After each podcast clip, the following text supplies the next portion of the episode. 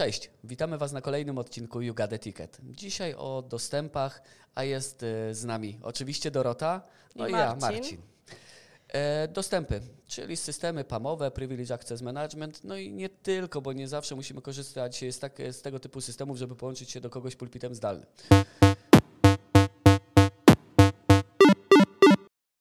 Jak, jak widzę to ja, ponieważ jest to troszeczkę... To może ja zacznę. Wiesz co, to ci powiem skąd to się wzięło. Dostaliśmy ticket, nie?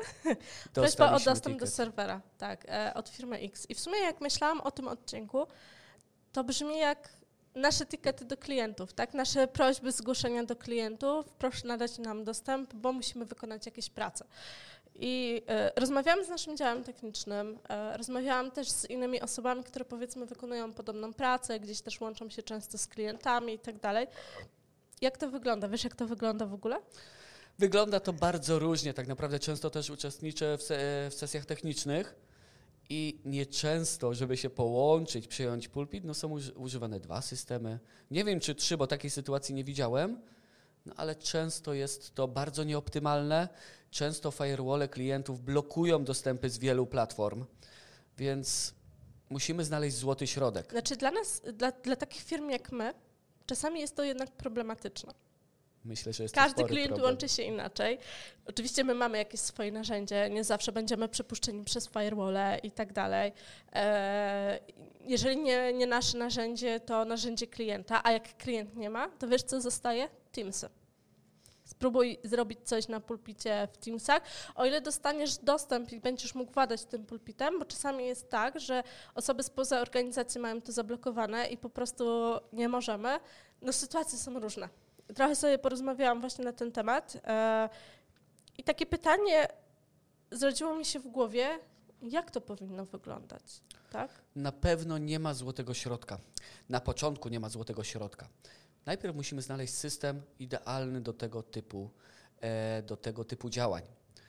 E, my tutaj w naszej organizacji jakiś czas temu poruszaliśmy temat chociażby niedziałającego serwera plików, niedost- e, braku dostępu do umów i pomyśleliśmy, a może serwer pośredniczący. No i tak gdzieś sobie doszliśmy do e, Privilege Access Managementu, czyli systemu, który te dostępy może nam dawać przez swoisty Security Gateway, czyli taki serwer pośredniczący, dzięki któremu się łączymy. Nawet jeżeli my nie mamy bezpośrednio dostępu do jakiegoś zasobu, to możemy to zrobić właśnie poprzez ten system. Możemy dostać, e, e, dostać dostęp ciągły, dostęp czasowy, to już nie ma żadnego znaczenia, na- natomiast myślę, że dobrą praktyką jest właśnie, są takie systemy i myślę, że to będzie idealne wyjście z problemu, o którym dzisiaj rozmawiamy, a skupiamy się raczej na serwerach, skupiamy się na wdrożeniu, czyli czymś, co potrzebuje dostępu zdalnego. A nie myślałeś, żeby cofnąć się krok wstecz i zadać takie pytanie,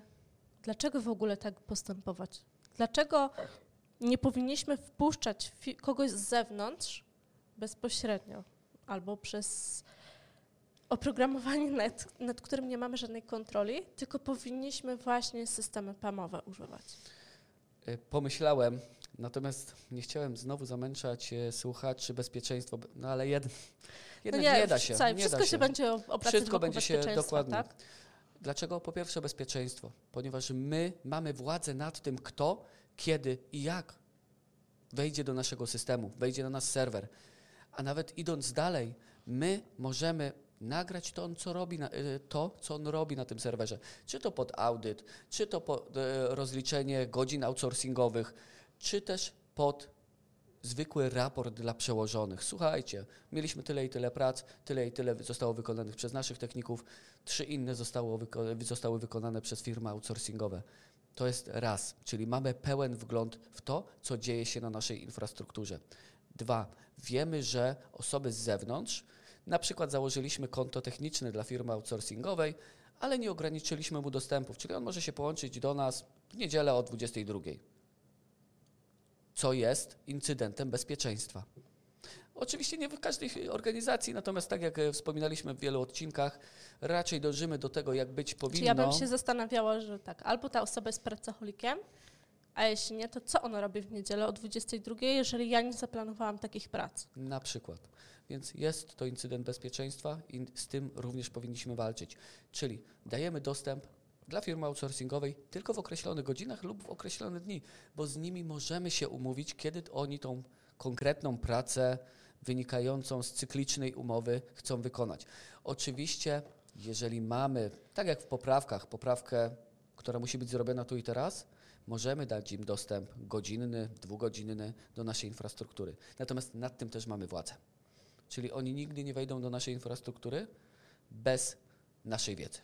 Czyli taki system pamowy, to ja sobie wyobrażam, to jest takie berło władzy, którym władam i mówię, ty, ty, ty, wchodzicie. Troszecz, Reszta, troszeczkę, ta, troszeczkę tak, to tak to wygląda, takie Dungeon and Dragons. Sami sobie tak naprawdę piszemy scenariusze, jak chcielibyśmy, żeby to wyglądało. Oczywiście nie pomijajmy firewalli, nie, po, nie, nie pomijajmy systemów do badania podatności, nie, nie pomijajmy antywirusów, no bo to wszystko gdzieś...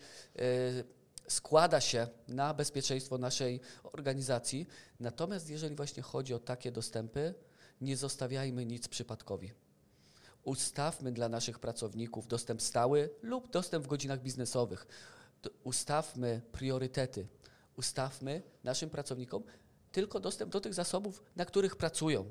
Żeby po pierwsze nie zawracać im głowy czymś, co ich nie dotyczy, a po drugie, żeby przez przypadek nie stało się coś niedobrego i wtedy leży to tak naprawdę w naszej gestii, czyli kierownika powiedzmy działu. Dlaczego ta osoba miała dostęp do, kiedy tego dostępu mieć nie powinna? Myślę, że to też jest dosyć e, ważne e, w odniesieniu do samego pracownika. Czujmy się bezpieczni. Nie tylko miejmy bezpieczną infrastrukturę, ale także my e, bądźmy bezpieczni, że rzeczy, za które odpowiadamy, są bezpieczne. Przypomniała mi się taka historia, którą przeżyłam jakiś czas temu. Idąc do jednego z klientów na spotkanie, no wiadomo, wiesz, jak się wchodzi do kogoś, są różne procedury wejścia i tak dalej. Czasami trzeba dowód pokazać, czasami trzeba tam, nie wiem, jeszcze wykazać, co masz w torbie, jaki laptop i tak dalej. Najróżniejsze są procedury. No i szłam do takiego, e, do takiego jednego klienta, musiałam się odmeldować na wejściu, e, dostałam specjalną plakietkę, miałam dostęp tylko do konkretnego piętra w biurowcu, tam mnie przyjmowała pani sekretarka i oczywiście czekałam na osobę, z którą byłam umówiona. Full, full zabezpieczenia. No i podczas takiego spotkania rozmawiamy, rozmawiamy tak, e, o, o systemach, o rozwoju systemów, które u nas mają zakupione. E, No i pada takie pytanie. Pamiętam klient jeszcze, no ja tu pracuję 5 lat, a oni kupowali jeszcze wcześniej system. Pada takie pytanie, Pani Doroto, my w sumie chcemy rozwinąć ten nasz system, potrzebujemy dodatkowe konto dla osoby technicznej. Ja tam zobaczyłem, że jest jeszcze konto waszego technika, chyba z czasów, jak robił nam wdrożenie, my możemy już je usunąć? No właśnie, o tym No mówimy. właśnie. O tym właśnie mówimy, że co w przypadku, kiedy nie daj Boże, ta osoba już by u nas nie pracowała, ale nadal by miała dostęp do infrastruktury, a mieliby na tyle ważne dane albo pożyteczne dla Każdy ma ważne dane. To jest to, że każda organizacja ma ważne dane, No tak? właśnie. I co w tym przypadku? Czy mogą mieć pretensje do nas, jako do firmy, która świadczyła wdrożenie, czy jednak oni powinni weryfikować swoje poziomy bezpieczeństwa i swoje procedury, kiedy takie konto powinno zostać usunięte? Kto to powinien zrobić? No a mając jednak taki system, nawet wyciągając sobie raport dostępów do e, zasobów, już na pierwszy rzut oka widzimy, oj, ta osoba nie pracuje, ta osoba robiła to tydzień temu. Dobrze, od razu to zmieniamy i możemy w miarę na bieżąco weryfikować tak naprawdę dostępy do wszystkich naszych systemów, bo my dzisiaj skupiamy się oczywiście na serwerach, e, bo też wyszliśmy troszeczkę od e, naszej, naszej firmy, naszej organizacji. Natomiast oczywiście możemy nadawać systemy do urządzeń sieciowych, do systemów webowych, tak naprawdę do ca całej infrastruktury, na której mają być prowadzone jakieś prace. Co, powiedz mi taką jedną rzecz, bo trochę odnoszę wrażenie, że no mamy różnych klientów, małych, średnich, dużych, że mówisz o takich sytuacjach, że jakby te mniejsze, czy tam trochę takie bardziej średnie firmy powiedzą, to jest dla nas za dużo, tak? E, czy systemy PAM-owe są dedykowane tylko dla dużych organizacji? Czy mała firma, czy średnia firma też znajdzie tam dla siebie funkcjonalności? Oczywiście, że tak. Często systemy PAM-owe e, są również traktowane jako taki swoisty KIPAS, czyli przechowanie haseł, co również jest szyfrowane, również jest bezpieczne. I nawet przy małej organizacji, chcąc przechowywać e, nawet te hasła, nie róbmy tego na kartkach. wiele systemów pamowych, oczywiście wszystko zależy też od, od licencjonowania, ma odpowiednie wersje. Każda wersja jest bogatsza w funkcjonalności, no im jest droższa, im jest wyższa. Natomiast idąc w stronę samego PAMA, już nie, nie mówiąc o wersjach, każda firma musi dbać o bezpieczeństwo. Często małe organizacje dużo częściej korzystają z firm outsourcingowych, bo ten dział IT jest na tyle mały, że po prostu nie wyrabiają. No mhm. i co wtedy? Dajemy wszystkim, jak leci dostępy? Nie. Zróbmy to przez system. Tym bardziej, że funkcjonalnie on nie musi być aż tak bogaty jak jakiejś firmy enterprise'owej, natomiast czuwajmy nad tym, audytujmy to, nawet nagrywajmy te sesje uważam, że nic nie stoi na przeszkodzie, żeby zbudować system dla każdej, e, dla, czy to mikro, czy to dużego przedsiębiorstwa. Tutaj nie ma naprawdę y, ograniczeń dla takich systemów. Oczywiście my, jako administratorzy, dział IT, dział zakupów, musimy wiedzieć wszystko o swojej infrastrukturze, żeby tak to przedstawić y, firmie sprzedającej takie oprogramowanie, żeby dobrali coś typowo pod nas. I to jest chyba ważne, tak? Żebyśmy nie czuli, że tego jest za dużo, tylko mieli coś, co fajnie się sprawdzi u nas i, i nie czujemy, że przepłacamy. Właśnie. E, powiedz mi, jeszcze takie, takie pytanko mam. E, mamy system pamowy. Na co zwrócić uwagę przy dawaniu dostępów? Co będzie ważne? Co będzie ważne? E, na pewno będzie ważne, jakiej osobie dajemy ten dostęp. Czy jest to nasz pracownik, czy jest to firma outsourcingowa, E, czy może jest to osoba, która pracuje dla nas na umowę o dzieło i wykonuje raz na jakiś czas jakąś pracę, więc myślę, że to będzie priorytet. Jaki typ pracownika, tak to nazwijmy, no bo oczywiście i outsourcing możemy nazwać, że jest, jest naszym pracownikiem, ale na umowę B2B. Tak samo nasz pracownik oczywiście również ma z nami umowę, ale oni mają inne przywileje, inne dostępy, no i także inne warunki umowy. Więc myślę, że to jest bardzo kluczowe, czy ten dostęp ma być stały, czasowy, jednorazowy. Tutaj na to musimy zwrócić uwagę. Myślę w pierwszej kolejności. Okej. Okay, Widzę, że coś ci chodzi tak, po głowie, chodzi, więc chodzi, mi się pojawiło takie pytanie. Dobra, dostaję dostęp, ale co z powodem? Czy nie byłoby dobrze takiego systemu pamowego spiąć z helpdeskiem i kontrolować powody, dla których chyba, że system pamowy ma takie opcje u siebie, nie Idziesz wiem. w dobrą tak. stronę, moja droga. tak, oczywiście, bo ja jestem fanką tutaj, wiesz, procedur, e, procesów i w ogóle. E, więc no, moje pytanie, skoro nadaję dostęp, to dlaczego i po co ja nadaję ten dostęp? I tutaj znowu mamy kilka podejść. Jeżeli jest to nasz pracownik i wiemy, że jest to administrator systemów Windows i wrzucamy mu do systemu e, PAMowego 10 serwerów Windows i on wiemy, że umownie musi na nich pracować, musi przeprowadzać na nich pracę, to moim zdaniem niepotrzebne zna mu narzucanie dodatkowych zgód od powiedzmy przełożonego. no to my... jednorazowa raczej zgoda, tak? Dokładnie, czyli jak mu y, przy pierwszym razie, kiedy dajemy mu dostęp do tego serwera, on ma go dopóki pracuje w naszej firmie.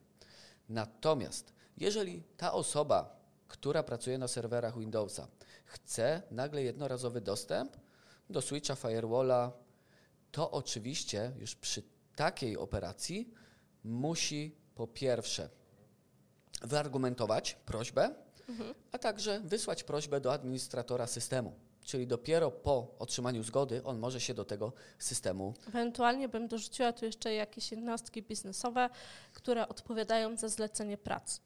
Idąc dalej, możemy to jeszcze lepiej zrobić przez system helpdeskowy czyli wysłanie zgłoszenia do systemu helpdeskowego z prośbą o dostęp do zasobu. Wtedy wszyscy, nie wszyscy może, ale to też wynika e, tak naprawdę z priorytetów ustawionych w helpdesku, wszystkie osoby, które mają dostęp do tego typu zgłoszeń, widzą to zgłoszenie i mogą zareagować.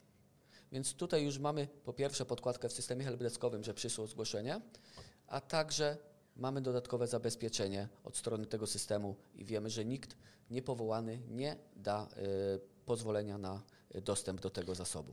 Idąc w innym kierunku, e, patrzę bar bardziej z mojej perspektywy, e, jeżeli przy, mamy taki rejestr zgód, wniosków mhm. i zgód bądź odrzuceń w systemie helpdeskowym, to w każdej chwili, jeżeli będzie cokolwiek się zdarzy niepożądanego, e, to w każdej chwili możemy sprawdzić, kto do czego miał dostęp kto wyraził na to zgodę i z jakiego powodu miał ten dostęp, tak? Dokładnie. Czyli jeżeli na przykład bym wnioskowała o dostęp do serwera numer jeden, ale bym dostała za dużo uprawnień i mam dostęp do serwera 1 i 2 e, i coś na tej dwójce nagrzebałam, no to wiemy już kogo ciągnąć do odpowiedzialności, Mamy tak? punkt wyjścia z systemu helpdeskowemu, e, helpdeskowego. Wiemy, że coś takiego się zadziało.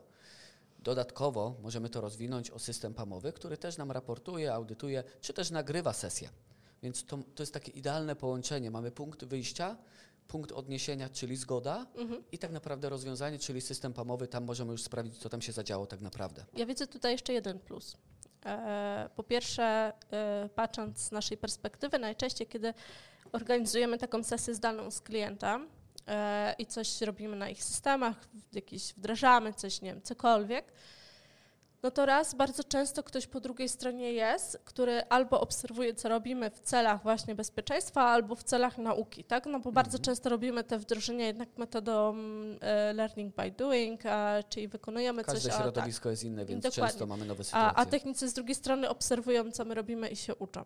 E, jeżeli system pamowy dałby nam możliwość nagrania takiej sesji, to po pierwsze, jeżeli ja muszę obserwować sesję ze względów bezpieczeństwa, no to nie muszę tego robić, w razie czego cofnę się na nagraniu, tak?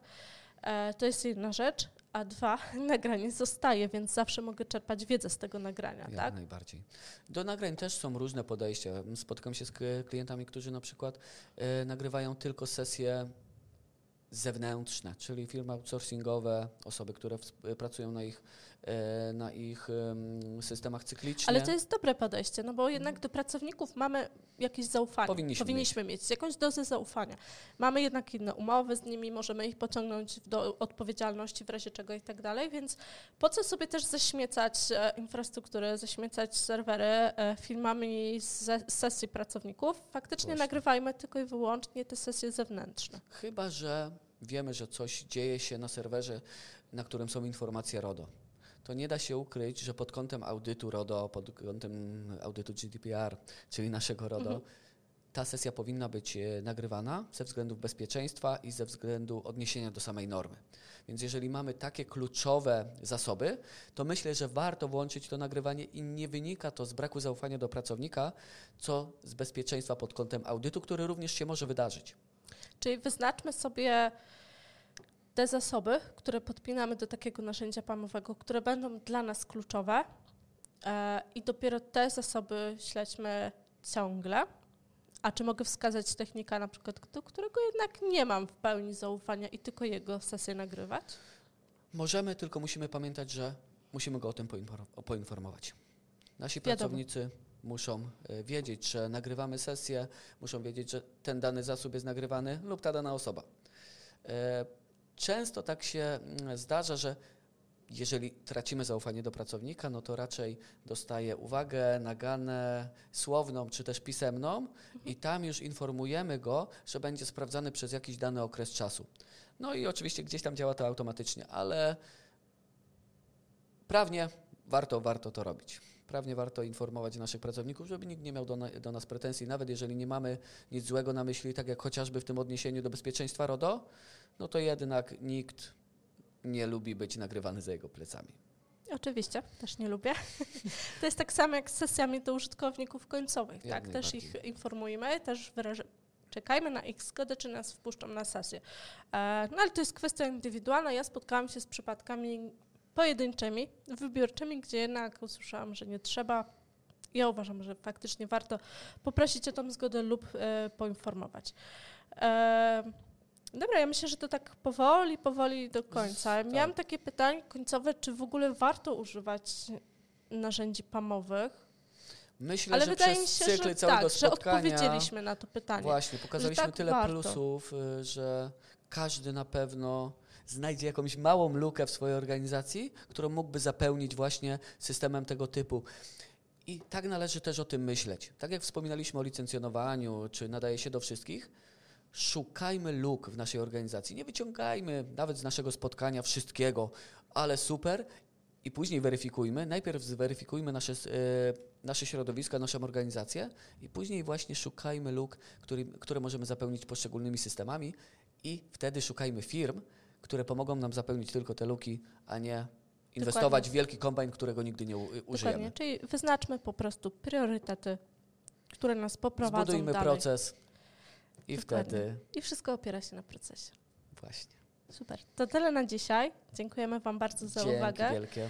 E, jak zwykle słuchajcie nas na e, YouTube, na Spotify, na Apple Podcast.